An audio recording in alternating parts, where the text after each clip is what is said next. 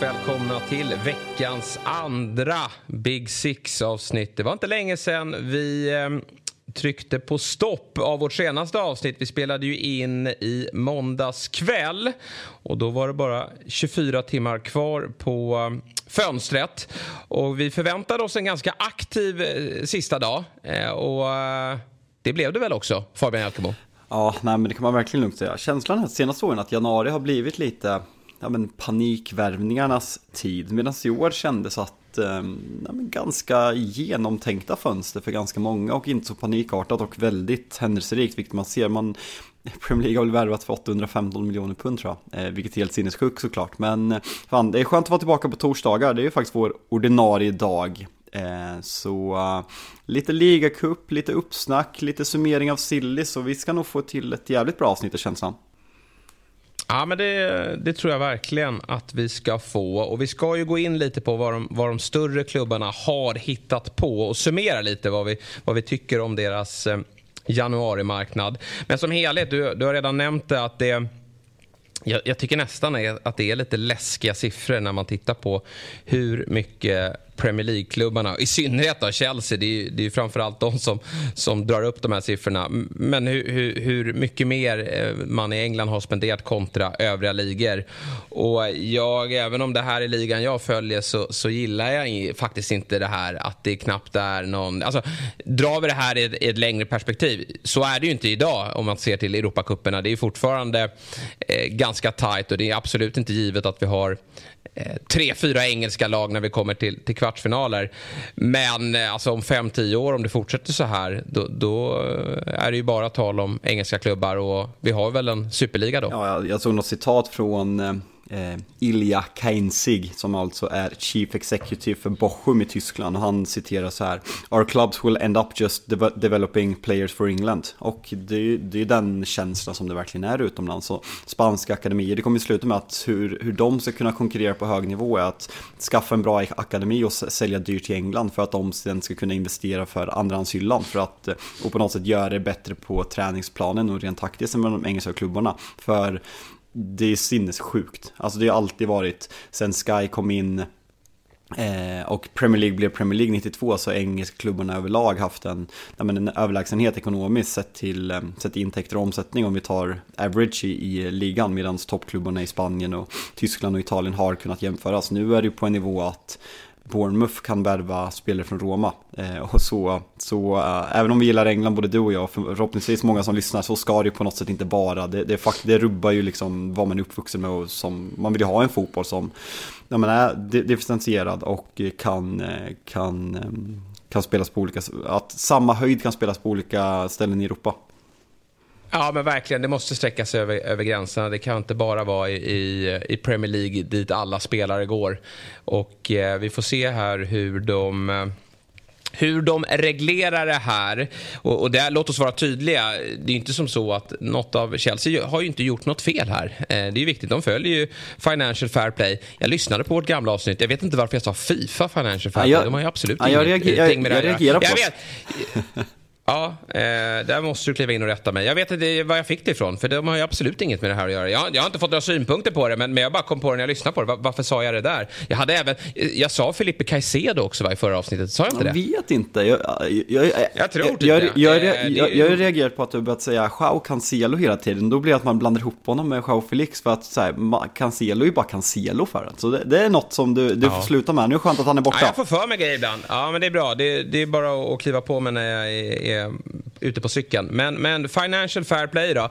Chelsea följer ju det. Men, men man har hittat, inte ett kryphål heller då, utan man, man har hittat en, en möjlighet till det här som i alla fall eh, räcker. Det går att genomföra fram till sommaren. Då, då kommer man väl att eh, stoppa de här långa kontrakten. Eh, för eh, det är ju som så att Enzo Fernandes då, som blev klar under eh, tisdagen dagens eh, silly seasons sista dag, deadline day alltså. Han eh, skrev väl på ett 8,5 års kontrakt och Eh, Chelsea kommer efter de här 8,5 åren då att ha betalat lite drygt 1,5 miljard svenska kronor. Men då ska man ju veta då att det här, eh, det, det är en kostnad för Chelsea varje säsong på, på lite drygt ja, men 100, 130 miljoner kronor. Eh, och vilket gör att det, det stör inte balansräkningen eh, och slår på dem under en säsong. Och sen när man säljer spelare då, får man in, eh, då kan man ju bokföra hela intäkten även om den då eh, skrivs, också blir eh, avskriven under flera säsonger. Så att Chelsea gör inget fel men, men det känslan är väl att det ändå är lite väl mycket pengar som spenderas och att det borde kunna göras på ett... Eh, det borde kunna regleras på ett, eh, på ett bättre sätt. Men vi kan väl börja där då, i just Chelsea. För det är ju där det har hänt mest saker. Enzo Fernandes är alltså äntligen klar. Och om vi bara fokuserar på sportsliga så är det ju, vilket du var inne på i vårt senaste avsnitt, en spelartyp som eh, man faktiskt behöver. Men just hela fönstret om vi bara pratar sportsliga. Sen vill jag, jag vill bara fortsätta innan vi går in på det sportsliga, eh, på det du säger. Det är många Chelsea-supportrar som har, som har hört av sig och liksom skickar ja, men att de inte fuskar. Och jag vet, alltså min frustration blir ju på något sätt att det känns det känns orättvist att en klubb kan värva för 6 miljarder och sen om man går till Liverpool så har de värvat för 7 miljarder senaste, senaste 7-8 åren. Då är det något som ändå gör något med den. Sen jag vet att det är, det är lagligt, man kringgår systemet genom att göra så här och ekonomiskt, det kanske är smart och så här kollar man på vad spelarna tjänar så lönen är inte jättedyr kontra hur Roman satte lönen på sina spelare, vilket vi har varit inne på tidigare. Så det kommer bli lättare att sälja spelarna om de inte lyckas, vilket kanske har varit svårt tidigare om vi tar ja, men en Loftus Cheek, en Phil Jones i Manchester United. Varför ska de gå liksom så här fyr, alltså sänka sin lön med liksom så här 75%? Det är det som har varit problematiken för de här klubbarna. Men rent, eh, rent eh, sportsligt då, alltså Enzo Fernandes eh, VMs bästa unga spelare, helt fenomenal i Benfica i Champions League-runnen de har haft när de har varit ett favoritlag för alla hipsters. Mudruk, eh, den halvtimmen vi såg såg han helt, helt, helt otrolig ut. Badia Chile 2-0 sen han har kommit in, man får in en, eh, en, en, en rotation på högerbacken i Gusto. Eh, Maurice James skadehistorik, jätteviktigt. André Santos som kommer från Brasilien som många pratar upp som en, äh, men en supertalang som ska vara ett, eh, ett stil för det här priset, runt 16 miljoner pund. Och sen, alltså, Joao Felix, man, man har glömt bort honom. Ja, nej, men verkligen. Han, han försvann. Han, han eh, kom snabbt. Det gick ändå undan där. Det har ju ryktats om många klubbar. Och sen försvann han lika snabbt då när, när han tog det där röda kortet. Men det vi fick se, de, de 60 minuterna var ju med, med mer smak. Och jag är ju, nu är han avstängd ytterligare en match, då missar ju Fulham här. Men jag är ju väldigt spänd på att se Chelseas nya trio där framme som jag tror kommer heta Mudryk, Havertz och Joao Felix. Det bör faktiskt kunna bli ganska så trevligt. Ska vi ha, men du, det har ju... Men ska vi ha, ska ja. vi ha det SP? Jag vet du brukar ju ta stolthet i att fantasyprogrammen tippar City elva. Här kan bli vår nya grej, att varje torsdag så ska du tippa eh, Chelseas elva. Det kommer fan inte bli enkelt alltså. Ja. Nej, Potter är också en rotationsgubbe. Det, det var han ju faktiskt i, i, Brighton och även i tidigare klubbar. Så att han kommer ju såklart att, att ge andra spelare som står där bakom speltid. Men jag tror ju att det här var fönstret där Chelsea plockar in väldigt många spelare för att det kommer nya regleringar till sommaren. I sommar så kommer vi se att de kommer dumpa väldigt många. Och jag tror att flertalet av de här spelarna som man tog in i somras faktiskt kan offras. En sån som Koulibaly, jag vet inte vad det finns för intresse runt honom och det kommer ju bli en stor förlustaffär. Men den spelaren slår ju hårdare mot FFP än vad en sån som eh, Enzo Fernandes gör. För där eh, betalade man ju större summor på, på kortare tid, då, även om jag inte har stenkoll på hur avbetalningen ser ut. Och detsamma gäller väl en sån som Raheem Sterling också. Hans eh, framtid känns ju också osäker, även om jag tror liksom att han är ju ändå engelsk landslagsman och jag, jag kan ändå se med honom i att i, funka i ett eh, Potterlag om det är Potter som tränar laget vill säga. Han är användbar på flera positioner. Men, men Koulibaly, definitivt en sån spelare som jag tror att Chelsea kan tänka sig att, eh, att offra här eh, framöver. Men, men, men eh, om vi tittar här på högerbacken då, Gusto från Lyon, så är det ju som så att han ansluter ju i sommar. Så att eh, om vi tittar på de sex spelare som nu har anlänt till truppen så är det ju faktiskt som så att det är ju bara tre spelare som får registreras till Champions League. Och Champions League är ju den tävling som, som ja, det, det känns ju långt borta såklart att man, man, man vinner Champions League. Men man har ju gjort det förr faktiskt eh, när man har bytt tränare mitt under säsong. Men det är ju bara tre spelare som får registreras och då vill jag eh, fråga dig här Fabian Jalkemo. Eh, vilka tre ska registreras utav Enzo Fernandes, Mudryk, Felix, Badiashile, Fofana och Madueke? Alltså vi måste ju vara väldigt tydliga att eh, Fofana ska ju inte registreras. Nej. Eh, Madueke, sorry. Eh, jag har inte sett det jättemånga gånger, men nej, inte du heller. Sen är det ju, det är fyra stycken. Och Sen blir det svårt. Det är skitsvårt. Enzo Fernandes, dyraste värvningen i engelsk historia. Måste, kom, kom, kom, kommer vara tokgiven. Så självklar som Mudruk såg ut, borde vara, alltså så här, rent krass, den spelaren de behöver minst, jag säger jag säger fan Mudruk. Alltså av, ja. det, av, av det, det är helt sjukt att säga med den prislappen han kommer och hur han såg ut den första. Men Badia Chile har sett jävligt bra ut och de har ju problem ja. på den där, alltså vänster. Kukureya har inte kommit in i det, Koulibaly har inte varit bra för fem öre. Han har två nollor på två matcher. Joao Felix, de har ingen riktig anfallare och han såg jävligt bra ut. Så det står väl på något sätt mellan Sen kommer Fofana tillbaka, jag vet, jag, jag säger Mudruk, det är sjukt. Vi, vi vet vad vi gör Jesper, vi, vi lägger upp en omröstning på det här på Twitter tycker jag. Vem, eh, ja. vem folk hade eh, skippat av de här fyra, för en ska bort helt enkelt. Ja, och det känns ju på de så här, men det är också med Mudryk som man har betalat man har betalat mycket för alla spelare men det var ju ändå liksom en, en prestigekamp där med Arsenal och så vann man den. Jag kan tänka mig att det finns löften i det också att man ska säga det att vi, vi har ett Champions League-spel här till, till våren. Och det är ju en jävla smäll för en spelare att, att eh, skriva på ett kontrakt och inte få spela Champions League. Men, men så bra, jag tror att man tänkte innan att äh, men Berdashile, han, han får väl stå på tillväxt här. Det finns mittbackar före honom. Men så bra som han har sett ut tillsammans med Thiago Silva så har jag väldigt svårt att se honom bli petad. Ja, jag, jag tror också att det är Mudryk som kan få eh, kliva åt sidan. Där finns ju ändå Raheem Sterling. Pulisic är väl eh, skadad ett tag till. Hakim Ziyech finns ju faktiskt att, att Ja, även om han trivs bäst ute till höger. Han är ju faktiskt kvar i klubben, sjukt nog. Det blev ju ingenting med PSG där. Sen vilket humör han är på. Han verkar ju vara redigt förbannad. Han satt väl alltså på PSGs huvudkontor där och bara väntade på att få eh, bli en officiell PSG-spelare. Men det verkade som att Chelsea hade så fullt upp att lösa den här Enzo Fernandes-dealen att man slarvade med pappersexercisen och Ziyech fick åka tillbaka till London med svansen mellan benen. Nej, det är sjukt att sånt här Jag Kom ihåg när David de Gea var på väg till Real Madrid när det ryktades som mest när han var ja, men aktad som en av världens bästa målvakter innan de tog Courtois och det var, det var så här några, jag kommer inte ihåg exakt storyn, men det är typ så här tre män som ingen än idag vet vilka det är typ. Som fejkade papper, sen var det någon fax som eh, fördröjde så att de hann inte få in papperna i, i tid. Helt sjukt och det känns så sjukt att 2023 att sånt här ska kunna ske. Speciellt när det är en spelare som Chelsea värvar ju Mudruk och eh, och spelade på hans position tidigare så att det här drog ut så sent, jag, jag fattar fan ingenting. Nej, eh, konstigt är det. Man vill ju vara en fluga på väggen när eh, de där samtalen går. Men det är såklart att det, det handlar om, om, hur man delar upp de här betalningarna eh, och, och, så vidare. Men det blev klart i alla fall med, med Enzo Fernandes, men inte eh, Ziyech då. Men eh, ja, vi, vi, tror väl båda då på att Mudryk får, får missa Champions League. Men ja, hur, hur summerar man det här fönstret? Det är väl bara att konstatera att, att Chelsea har väldigt många spelare. Eh, och eh, att Graham Potter, han har inte haft någon bra start eh, i sin Chelsea-karriär. Men att det nu måste börja lossna för honom.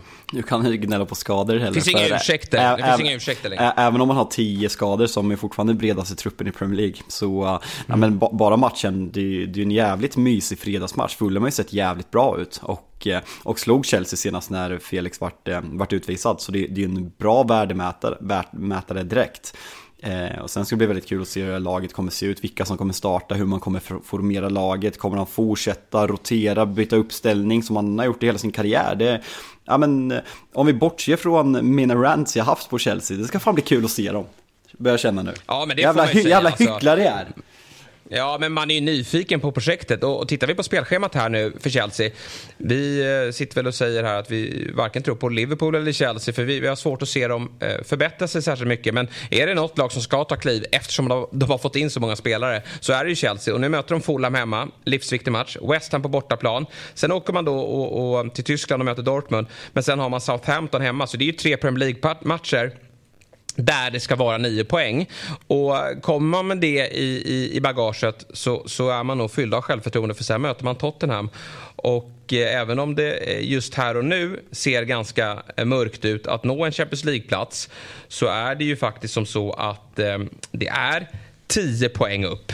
Eh, och eh, alla går väl och hoppas på att Newcastle ska klappa ihop eh, till slut. Även om det kanske inte ser ut så just nu.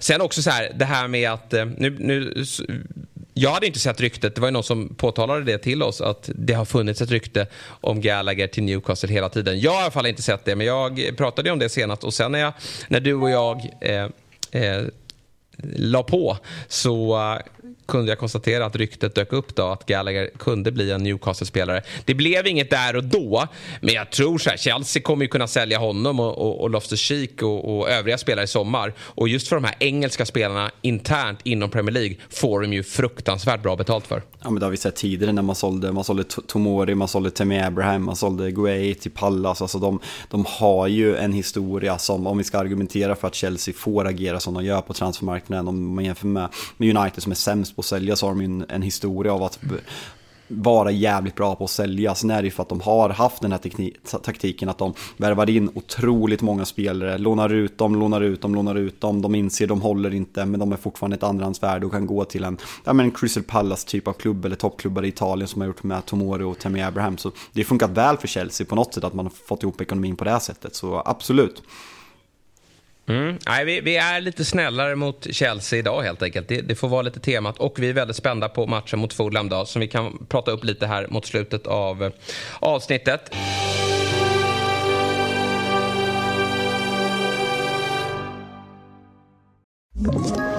Ett poddtips från Podplay. I podden Något Kaiko garanterar östgötarna Brutti och jag, Davva, dig en stor dos skratt. Där följer jag pladask för köttätandet igen. Man är lite som en jävla vampyr. Man har fått lite blodsmak och då måste man ha mer. Udda spaningar, fängslande anekdoter och en och annan arg rant. Jag måste ha mitt kaffe på morgonen för annars är jag ingen trevlig människa. Då är du ingen trevlig människa, punkt. Något kajko, hör du på podplay. Därför är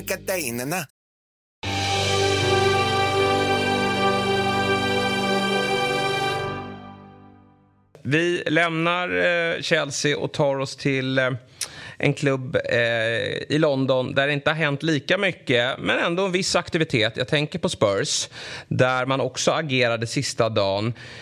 Porro blev till slut klar. Det var ju verkligen fram och tillbaka. Jag tror David Ornstein sa att dealen var off eh, framåt eftermiddagen där. Men eh, Spurs eh, höjde väl budet. Det är också en sån här klassisk märklig affär. Man lånar till en början och så finns det en utköpsklausul som med all säkerhet kommer att aktiveras i sommar. Men eh, nu är ytterbacken klar och det är väl bara att eh, hoppas för Spurs skull att de äntligen får träff på, på en eh, wingback. Ja, men det, vi vet ju både Chelsea och Tottenham under Antoni Conte, eh, eller Chelsea under, under Tuchel, eh, hur viktiga de där ytterbackarna har varit. När Reece James har spelat, när Chilwell har spelat, hur bra Chelsea har varit jämförelsevis när de har skadat. Och det är samma med, med Contes historik, ända från Chelsea till, till Inter. Och han har inte riktigt fått ihop det i Spurs. Perisic kom in och gjort det ganska bra tog honom liksom en prestigevärvning från Inter på, på free transfer. Man har inte fått ihop det där riktigt. Doherty var bra i perioder i våras men inte bra. Sessignon inte tillräckligt bra. Emerson Real inte tillräckligt bra. Jed Spence får inte chansen. Här känns det verkligen som att man går all in på en position, lägger mycket pengar på en position som kommer göra laget jävligt mycket bättre. Så det, det är ju en viktig värvning att få till för, för Antoni Conte och Spurs. Ja, nej, men så är det. Alltså, det var ju det som var så framgångsrikt när han var i Chelsea. Att, eh, då gjorde han ju Victor Moses till en, en eh, fantastisk wingback. Men det har han inte lyckats med med övriga. Jag tycker till exempel att så som Perisic måste också bli bättre. Eh, så det, det, det, finns att jobba på där. Samtidigt tänker man också så här, de, de värvar ju verkligen spelare som... Ja, men nu tar de in en wingback kan väl spela högerback som alla wingbacks kan göra men det känns som att det är en wingback. Och det får ju mig någonstans att tro att det kommer att vara fortsatt 3-5-2 eller 3-4-3 för Spurs. Men frågan är om det sker under Conte då? Ja, nej, för nu eh, missar jag troligtvis eh, helgens match mot City, ska operera gallblåsan. Fick jag absolut eh, googla vad det betydde, eh, vad var det hette på engelska. Man, man, man, kunde lägga ihop ett plus ett, men när, när, när, man såg det där första gången, bara vad fan är gallbladder? Gallbladder surgery. Eh, engelska läkartermer är inte fem plus på. Så vi hoppas såklart att Conte, Conte får en, vad säger man, speedy recovery, vad säger man på svenska? En eh, snabbt tillfrisknande. Fan vad bättre engelskan är ibland alltså. Ja, det får man eh, faktiskt säga.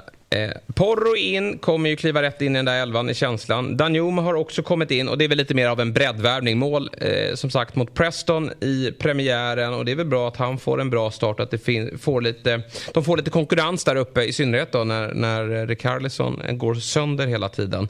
Men ett eh, godkänt fönster va, ändå från Spurs. Ja, nej, men det får man väl ändå lov att säga. Eh, sen är det viktigt att Bentancourt kommer tillbaka, för vi har sett när han är borta hur, eh, hur tunna man är på det där mittfältet. Vi kritiserar dem ju väldigt mycket i början av säsongen, att man inte kan föra en matchbild eh, mot vilka man än möter egentligen, och det är med Bentancourt på plan. Sen när han var skadad nu efter VM så har det blivit ännu sämre, så där är man ju fortfarande jävligt tunna, och jämför man med rivalerna uppe i toppen så eh, man sticker ju ut på ett extremt negativt sätt på det centrala mittfältet, så där måste man ju förbättra eh, långsiktigt. Och sen är det lite samma, samma läge som i fjol. Det finns ju massor, eh, utav, eh, eh massor att spela för.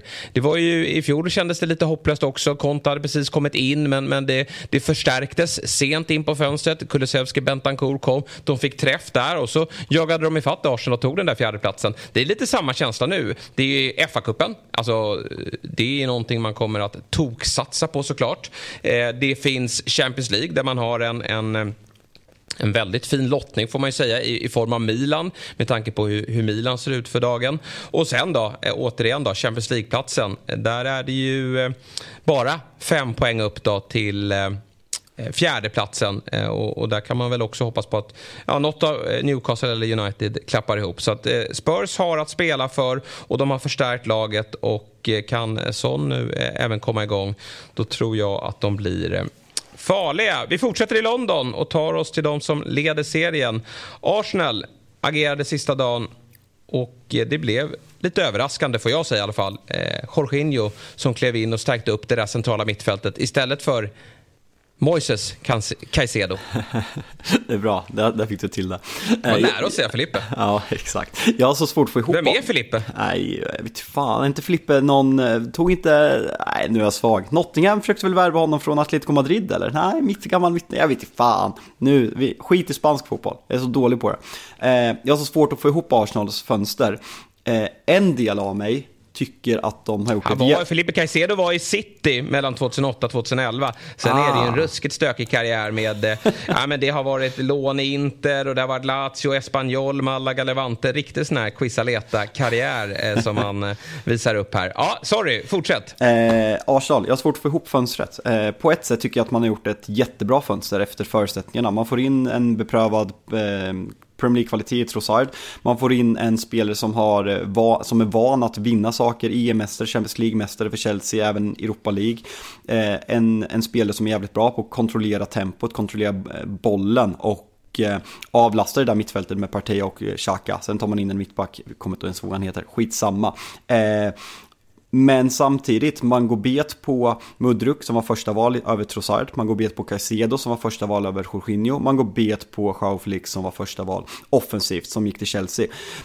Är det ett bra fönster när man går bet på sina tre högsta prioriteter när man leder Premier League? Eller ska man på något sätt se så här, ja men Trossard och Jorginho dryga 35-36 miljoner pund, man får in en bra bredd och och eh, spelare som inte kommer klaga över en rotationssituation. Ja, fan, jag, jag vet inte. Det, det, det, känns som att man får summera Arsenals fönster när ligan är slut. Vinner de ligan, bra fönster. Förlorar de ligan på det här, då kan man peka på det här fönstret och sa att Mudruk, eh, Caicedo och Joao Felix, eh, att man inte fick dem kanske avgjorde ligan till Citys favör. Så det, det är för tidigt att avgöra men jag tycker att Arsenal gör ett bra fönster. Jag, jag landar i det. Eh, Mudryk eh, här och nu tror inte jag är så mycket bättre än Trossard. Även om vi verkligen fick en god känsla av hans första inhopp mot Liverpool. Men, men eh, Mudryk är väl mer en man, man för framtiden. Men Trossard kände jag redan mot City här att, eh, och, och föga förvånande, honom har vi ju stenkoll på. Vi har ju sett honom i Brighton. Och det var dags för honom att ta nästa kliv och Arsenal blir eh, alldeles utmärkt för honom, känner jag. Användbar på fler eh, positioner. Jorginho är väl ingen man för framtiden direkt, men samtidigt Arteta, eh, alltså jag tycker någonstans man, man får bara luta sig tillbaka som Arsenal-supporter. Vill Arteta in honom, den statusen har ju Arteta i klubben nu, att han, han Eh, man bara lyssnar till vad han säger. Han vill ha in Jorginho, han vet att han passar in i hans spelsätt. Jag tror ju fortsatt att det kommer vara Xhaka, eh, Partey, på det där centrala mittfältet. Men att man eh, såklart har ett alternativ här. Man har Jorginho till Europa League-matcherna och eh, dyker upp skador, vilket det alltid gör, då, då är det en suveränt bra ersättare. Sen blir det intressant att se vad de tänker framåt också. Jag tror att de kommer fortsätta gå för Caicedo i sommar. Eller Declan Rice. Sen finns ju, eller Declan Rice, eller båda. Du vet den här blöta ah. filten. Vad sa du? Ah, jo, men dyrt. Den här... Eh, na, kanske, men jag tror ju att en sån som Thomas Partey, med tanke på uh, rykten som uh, omgärdar honom, vi behöver inte gå in på det, men det är ju uh, ganska grova anklagelser som finns där. Men där kan vi prata kryphål. Eh, men jag tror att Arsenal kanske vill göra sig av med honom i sommar. Fan, vi ska inte gå dit, men helvete vad smutsigt om de spelar honom, vinner ligan med honom och sen skickar honom för att liksom eh, gömma sig för det här. Det, det tycker jag fan inte är okej. Okay. Eh, det är inte okej okay ja, att de spelar en, honom på många sätt. Det är en våt filt som, som som eh, ligger över hela klubben där, eh, tycker jag, i form av parti som också har varit liksom, det är deras bästa spelare. Eh, ja, men tillsammans med Ödegaard offensivt. Viktig, viktigaste. Vi behöver inte säga bästa, men viktigaste. Ja, så kan man säga. Nej, men så viktiga spelare. Så att, ja, jag tror inte det är otänkbart att man, man eh, gör en, en förändring på det centrala mittfältet och att man kanske då tar in två spelare. Xhaka ska väl inte hålla eh, för, för eh, ja, men att vara en startman nästa år, det, det har jag svårt att se. Utan snarare en, en spelare man får användning av i ett rotationssystem. Mm. Men jag, jag, tycker Arsenal gör det bra. Sen blir ju fråga, det är ju, eh, ingen har ju missat, eh, eller du hade missat, eh, jag kollade ju med dig igår, eh, Balogan. Mm. Eh, som ägs utav Arsenal, utlånad till Reims i den franska ligan. Han leder efter gårdagens hattrick skytteligan i ligan.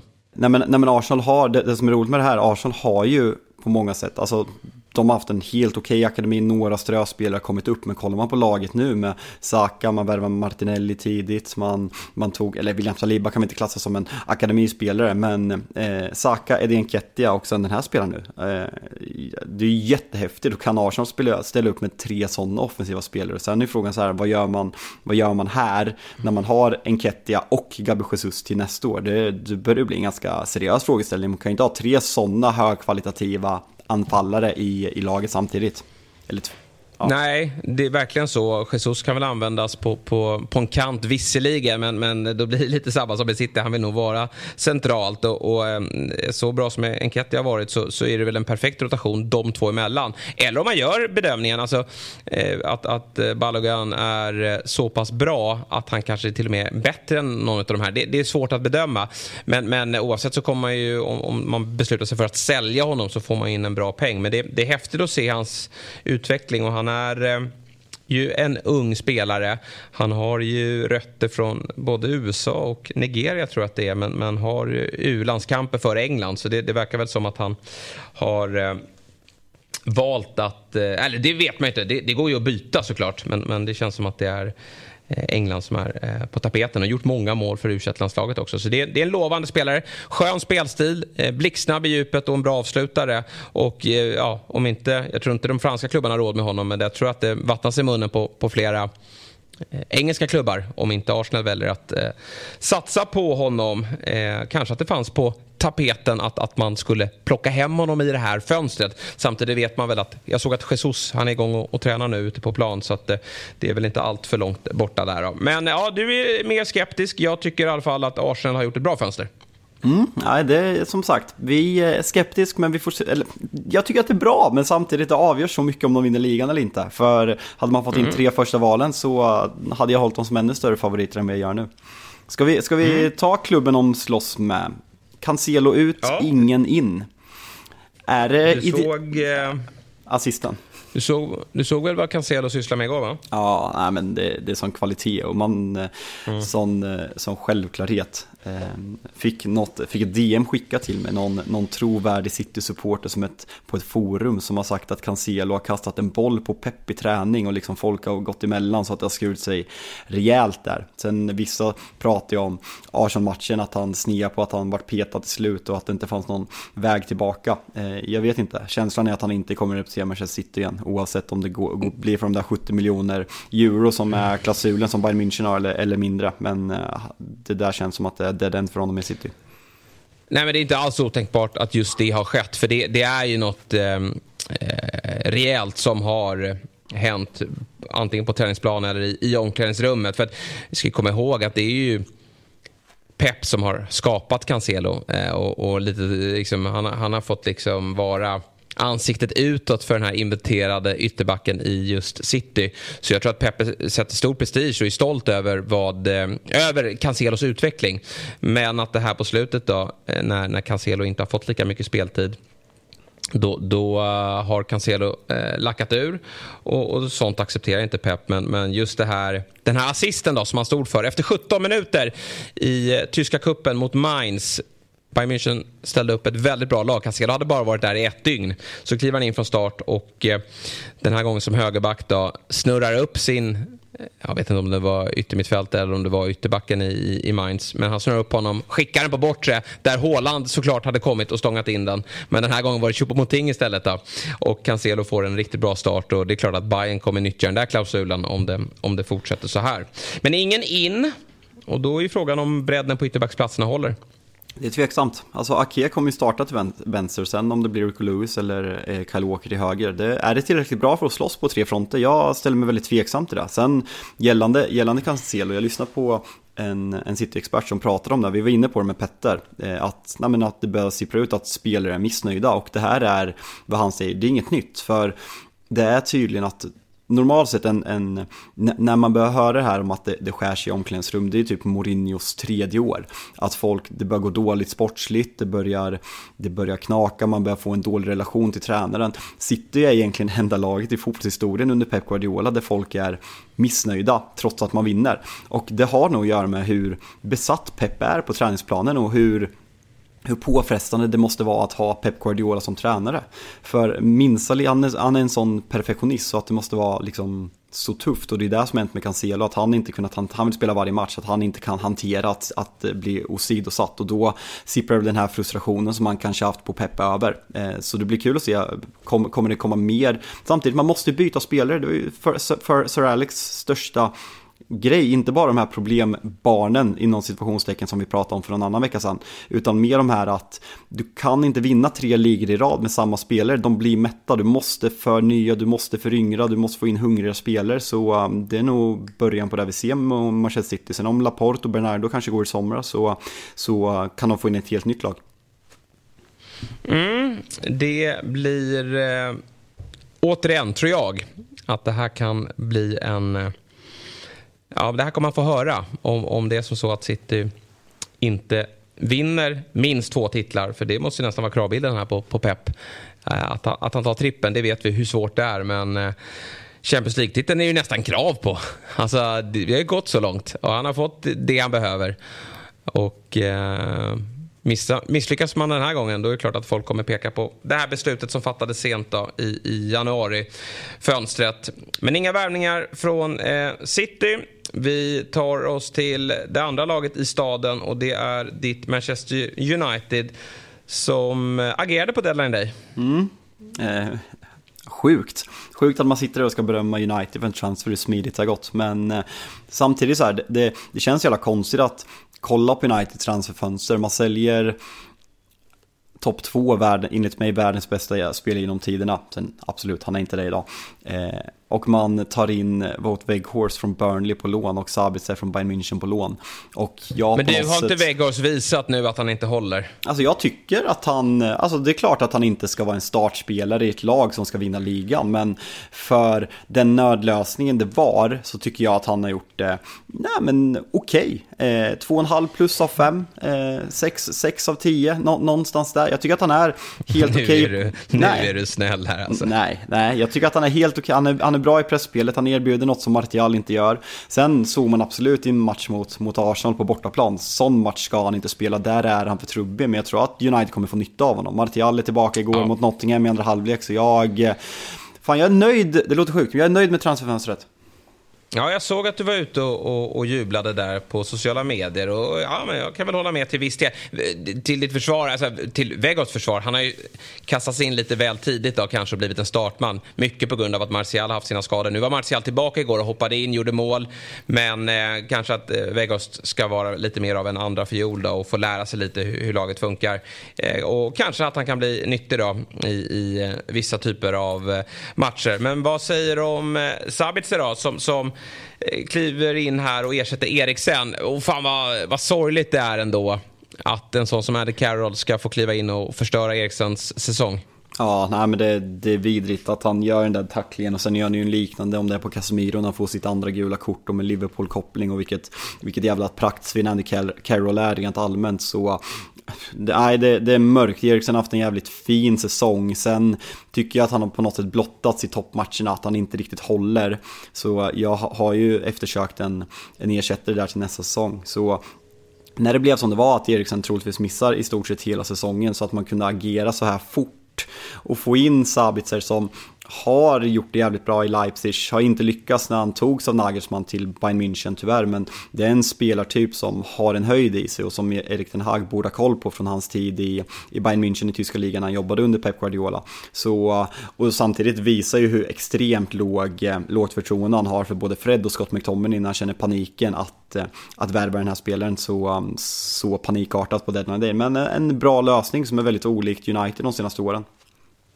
Ja, och, och bra för Sabitzer också då, som kanske kört fast, fast lite i Bayern München och vet att det är ju verkligen en, en plats han kan ta här. Eriksen har ju spelat mycket och, och som du säger, nu är ju Fred på, visserligen på målhumör här, men, men eh, kommer Sabitzer upp i, i nivå så, så bör han ta den där platsen. Ja, nej men han, han kanske inte kommer gå in direkt. United har ett väldigt tacksamt schema nu, Leeds och Pallas hemma, så han kanske inte kommer gå in direkt. Men i alla fall en cameo i någon av matcherna. Sen ska det sägas för er som tycker att det låter idiotiskt att jag sitter och berömmer Uniteds fönster när man lånar in två spelare. United är hårt drabbade av FFP. Man har haft möte med representanter från Uefa för att liksom förklara läget, hur man ska kringgå det. Man spenderade 260 miljoner pund i somras. Man har en historia av att vara usla på att sälja spelare, så man är hårt drabbade och man kan inte värva som andra klubbar i ligan kan göra nu. Så då får man helt enkelt göra vad man kan göra efter de resurserna och det är någonstans där jag landar i att efter förutsättningarna så gör vi ett bra fönster.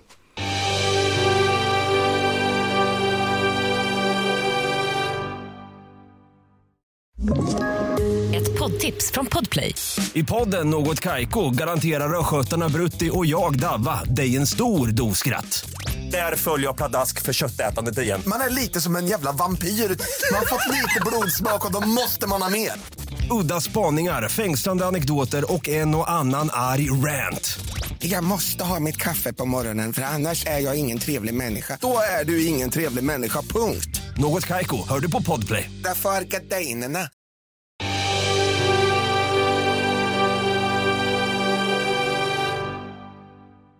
Vi tar oss till rivalen Liverpool där många Liverpool-supportrar satt och hoppades att det skulle komma in en eh, central mittfältare och förstärka upp den positionen där man kanske har tydligast problem.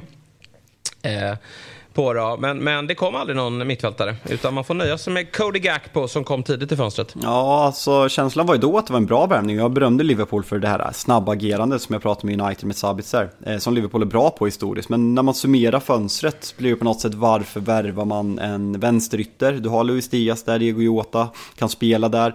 Man har Bobby Firmino, alltså det är ju den positionen man har bäst täckning på tillsammans med kanske mittback. Och och eh, helt plötsligt så står man med, ja men de ska spela med, ja men om Harvey Elliott eller Keita eller Henderson och ingen är direkt bra. Thiago är sämre, Fabinho är direkt dålig. Eh, och sen ställer man sig frågan, är det FSG som håller i pengarna för att man ska sälja? Eh, Klopp måste vara vansinnig när han ser hur andra klubbar spenderar att han inte får en mittfältare.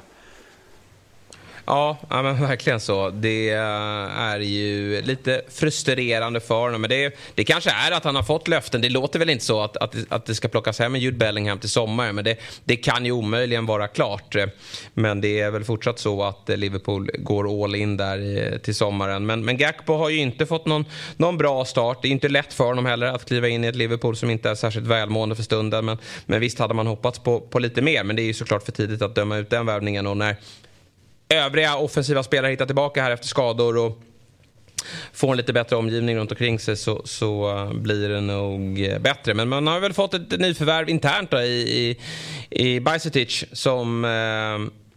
Du, fan vad du älskar honom, du tjatar om honom mycket nu. Ja, men han är bra. Jag tycker han är riktigt bra. Och det är helt rätt att Klopp ger honom chansen och, och skiter i Fabinho. För det, mm, han, han, känns ju, han är ju för dålig. Det går inte att spela Fabinho i form. Eh, för det, det, det kostar ju för mycket. Så jag tycker att de, de gör rätt där. Men sen, eh, ja, Liverpools hopp här inför fortsättningen det är ju att spelarna som är skadade, vilket ju är tunga pjäser, van Dijk, eh, Diaz, Jota. De, att de lyfter upp Liverpool till nästa nivå. För det är ju så i, i eh, teorin givetvis som så att Liverpool fortfarande har eh, chansen. Såg jag att Konaté även fick eh, en skada här nu och det gör ju att det är ganska skralt där bak. Ja, men han... Konatian känns, fan vad skadad den är hela tiden så jag får inte den här run of gamesen som, som behövs för att vara bra långsiktigt. Har ju skrivit upp Newcastle också men fan vi, har, vi måste snacka lite ligacup, vi måste snacka upp lite matcher men ja, man, man, får ingå... Man vi kan väl ta Newcastle att de ja. är i ligacupfinal då? Ja, ja, just det. Vi kom in på Newcastle där, så vi behöver inte prata deras silly, ja. silly. Chansen på första riktiga titeln 1955. Alltså det här, det, det är Vad stort. menar du när du säger riktiga? Är det att de har vunnit Audi Cup och annat eller? Ja men typ, de har någon, eh, någon, eh, någon, ja, någon konstig titel från 1969 mm. när man mötte något ungerskt lag okay. i final. Men man vann alltså FA-cupen 1955. Som eh, jag, okay. har vi någon Newcastle-supporter som blir arg på mig för att jag säger att det inte är en riktig titel så jag ber om ursäkt. Men för mig är det 1955. Mm. Ja, det är ju verkligen eh, stora möjligheter här. Jätte, eh, men jäkligt häftigt för dem och, och väldigt välförtjänt för Eddie Houseman att man nu tar sig till Wembley och möter Manchester United. Men den stora grejen jag reagerar på här då, i den här matchen, det är ju... Alltså det här är en anledning till att, att Antingen så ändrar man reglerna eller så stryper man hela ligacupen. Det har ju varit min take länge att man nöjer sig med FA-cupen men det, det verkar de inte lyssna till där borta. Men Bruno Gimares, han tacklar ju sent i slutet av matchen. Och det går väl eh, absolut att ja, ha synpunkter på det. Eh, alltså det går absolut att visa det röda kortet. Men det sjuka här är alltså, han får ju först gult kort. Vilket innebär alltså att han är uppe på tre varningar.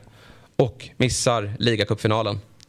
Men domaren väljer att efter varkoll ge det röda. Det innebär att han får spela ligacupfinalen, men missar tre ligamatcher istället. Nej, alltså det... Nej, men vad är det här ja, för det, dumheter? Det, det, det, det, är ett skämt. Alltså jag som United-supporter, vi, vi drabbas ju det här. Det är deras typ viktiga spelare med Sven Båtman eh, och kanske Kieran Trippier. Så att han blir, får ett rött kort i den här matchen ska gynnas av Liverpool som möter dem i ligan. Medan vi, när han har varningen, ska missa matchen mot oss. Det, här måste ju England skärpa sig. Samma sak ja men blir du avstängd i ligan, det här, den här diskussionen har vi haft tusen gånger, men får du direkt rött i ligan som, som Joao Felix så, så går den matchen på FA-cupen och har du en eventuell ligacupmatch så, så går två matcherna där. Så rent krasst, United spelar ju tre, två matcher i rad, FA-cupen och ligacupen nu, så hade någon fått ett direkt rött i ligan, ja men då är två av tre matcher borta i ja, men rotationsmatcher mot Nottingham och Reading. Tack, tack och bock. Medans eh, man, mm. nej det, det är helt sjugt. Jag, eh, innan vi Nej, fortsätter, det... jag, eh, jag har googlat mm. här. De vann alltså Intercities Fairs Cup säsongen 68-69 där man be besegrade Ujpest från Ungern i finalen. Ja.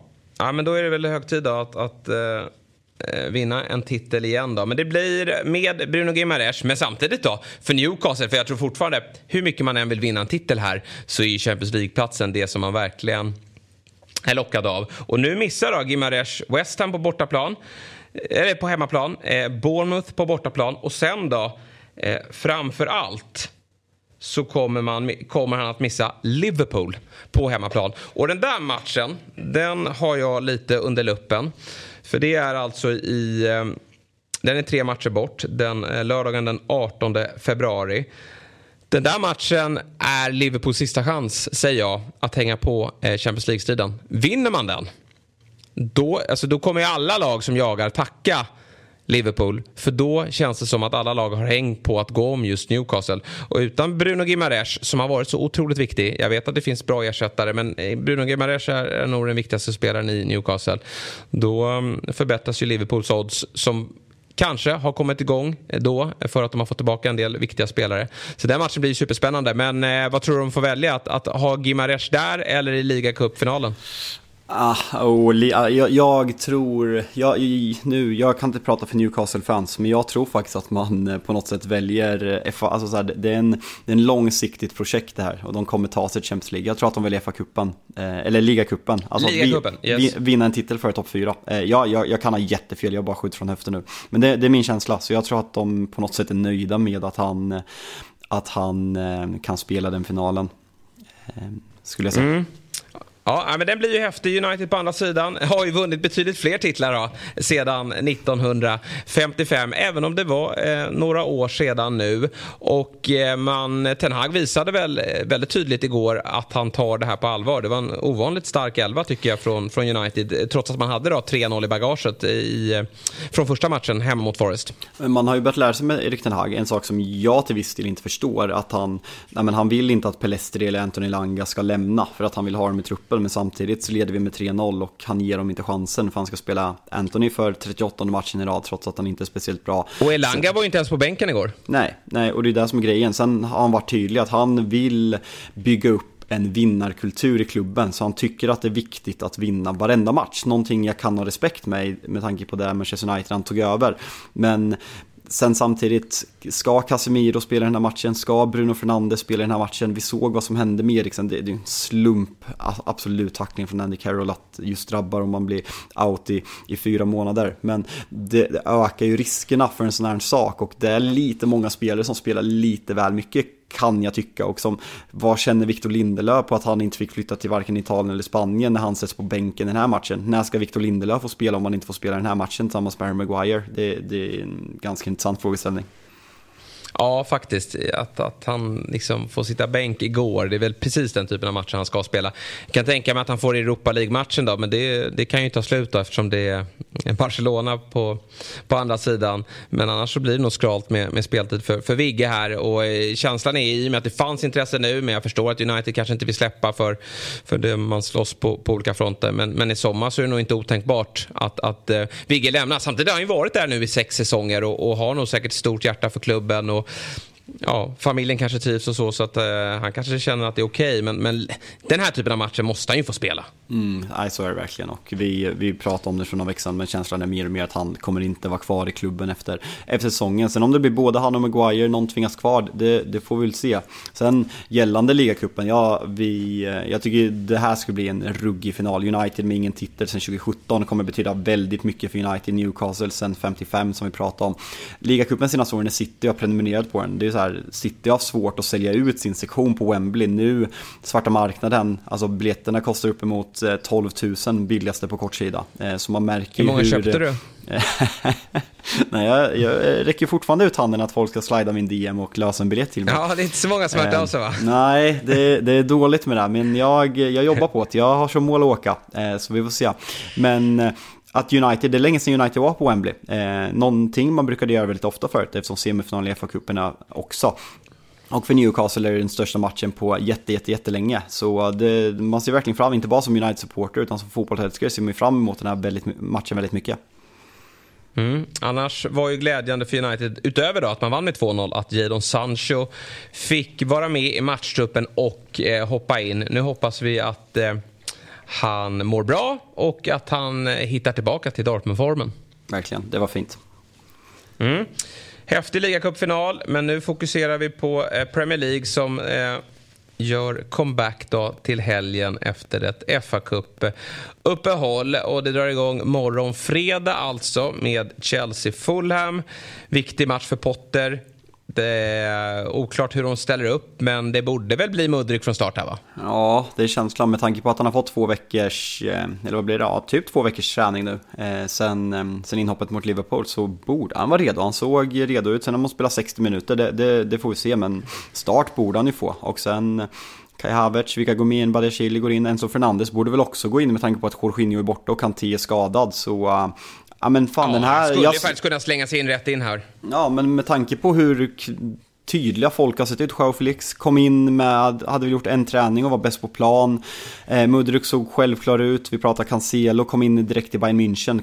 Högkvalitativa spelare kan gå in direkt och framförallt ens Fernandes som värvas för den här pengen på en position som Chelsea är ganska tunna på helt plötsligt. Ja, verkligen så. Och det var ju så här, senaste matchen mot... Nu är så här, Sterling är väl fortfarande out, Pulisic är out. De har... Eh, eh, visserligen då Mudrik, men, men eh, Mount har inte varit så bra. Jag tyckte Hakim Ziyech var bra mot Liverpool. Men inte kan väl han spela här? Han är väl knappt med i truppen då? Nej, tveksamt att han har sin, är sin vid mentalt redo för den här matchen. Så uh, det, nej du, uh, det får du göra. Upp med en, uh, ni ska sända fantasy imorgon, då får du säga Chelsea själva där så slänger vi upp det på Twitter. Ja, ja men det, jag får väl ge mig på den. Eh, Potter Roulette får vi kalla det. Vi tar oss till lördagen och eh, där blir det ju faktiskt ett eh, intressant möte när Everton tar emot Arsenal. I synnerhet då eftersom Everton har ny tränare. Sean Dyche är på plats. Såg du bilderna från hans första träning? Körde han t-shirt eller? Ja, men nästan. Han kom ju in i ett par eh, Copa Mondial. Eh, gamla, nej, du vet de här Adidas, ja det vet ju du. Men, så så gammal är jag inte. På det. Nej, nej, men de här klassiska Adidas-skorna. Med, med eh, alldeles för stor plös. Eh, shorts givetvis. Eh, och sen hade han inte t-shirt men, men någon, någon, form av träningströja. Så att han gick ju, såg ut som att han skulle vara med och träna och det, det kanske han var. Kanske att han går rätt in i det här laget. Men eh, första matchen och det är tuffast tänkbara motstånd då. Arsenal. Får se om Everton får en injektion av det här tränarbytet. Alltså man, man förstår ju frustrationen, man försökte värva spelare sista men att, eh, att man inte förbättrar truppen. Eh, det säger någonting om hur, hur tajt ekonomiskt det är och att folk kanske inte vill komma till Everton, Conor Gallagher för att dra ett exempel.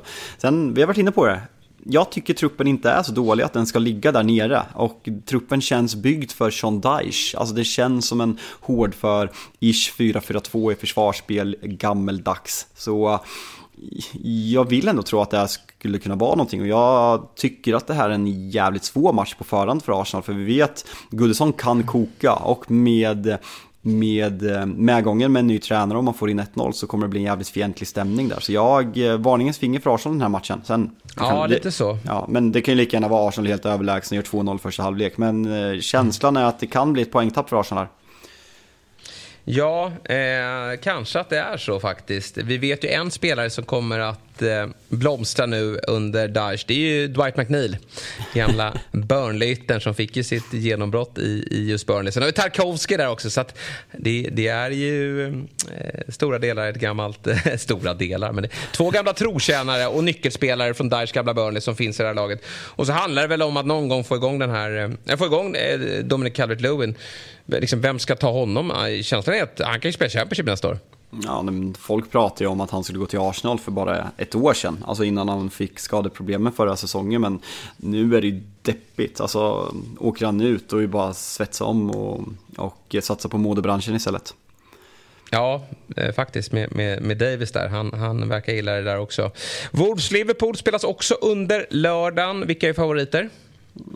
Ja du, vi ställde ju frågan mot eh, Brighton att eh, tyckte att oddsen var fellagda för att eh, Liverpool var favoriter men Alltså snudd på 50-50.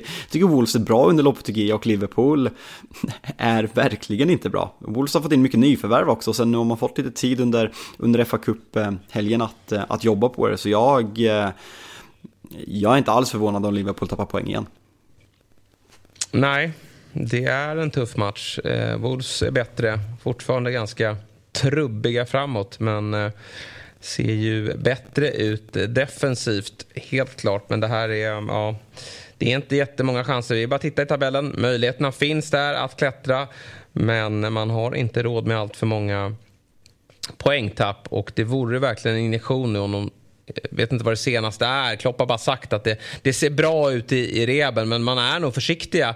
I synnerhet då med Diaz som åkte på en, en vad säger, setback va? Ja, nej. I, I, sin eh, rehabträning här och eh, därför är man nog extra försiktig med honom. Men, men han behövs verkligen för den här eh, offensiven. Dryga 1,90 stora match. Dryga 1,90 på Liverpool. Det är väl rimligt? Ja. ja, det är väl där det ska ligga. Mm. Det kanske. Eh, omgångens stora match är ju ändå den som utspelar sig eh, på söndag. Spurs utan eh, Conte tar eh, emot Manchester City och det var ju ganska nyligen eh, som de här två lagen möttes i en extremt underhållande match där City vände 0-2 till 4-2. Vad känner vi inför den här matchen? Cancelo är borta, men det har han ju varit ett tag känns det som. Han har inte varit delaktig i det här laget. Mm, Phil Foden, han lär väl stå åt sidan. Och Eh, vi ser väl Grealish, Haaland och Mahrez där uppe va? Men det, det, det är där man vill se Chelsea i vår också, hur, hur det här kommer göra. För även om de här spelarna varit jävligt formstarka så håller jag Citys lag med... För mig är det tydligt att Citys bästa elva är eh, från mittfältet offensivt. Rodri, eh, Gündogan, eh, KDB Eh, och Bernardo till höger, Foden vänster och Haaland, eh, Haaland som nia.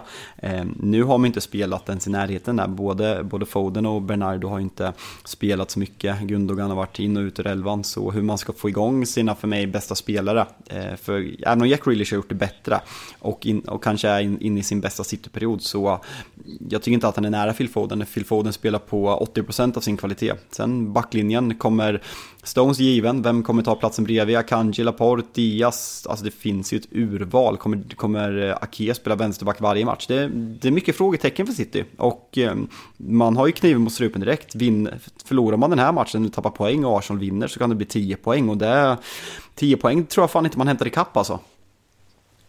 Nej, det, det, är för mycket. Man måste nästan gå rent där framöver. Framförallt måste man ju slå Arsenal i det här dubbelmötet. Men Spurs känns som att de har fått, vet inte varför, men de, de vann ju här mot Fulham i ligan och så en skön seger mot Preston där Son fick göra lite mål. Äh, men det känns som att man är lite på, på gång ändå. Men, och sen har man ju mött, alltså City är ju, nu torskar man senast, men det har ju varit lite av ett, eh, ett favoritmotstånd för dem. Porro, han går nog rätt in här mot sin gamla klubb va? Ja, men det, det, borde han verkligen göra. Värvar man för de pengarna i en position man, man suktar efter kvalitet så borde han gå in direkt.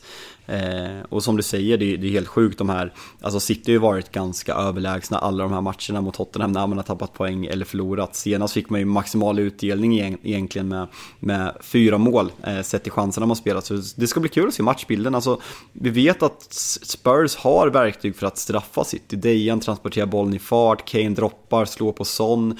Son, Son är ju nyckelroll i den här matchen, alltså han måste hitta den där ytan och Kane måste hitta, hitta ytan för att slå bollarna till Son. Eh, då kan man straffa City rejält, för City är inte stabila som man har varit defensivt framförallt.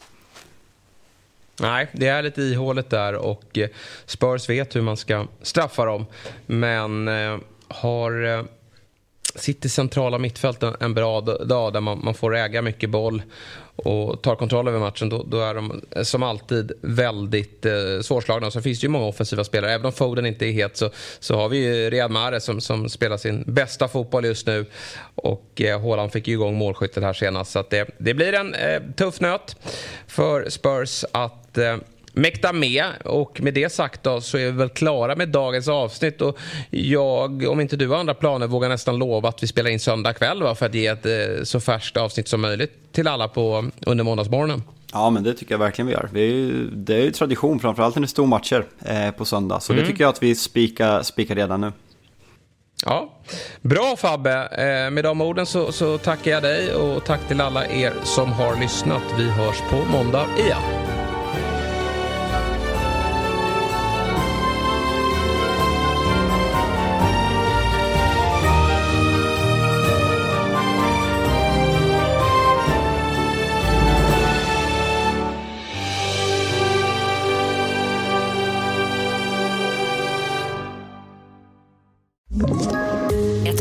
Poddtips från Podplay.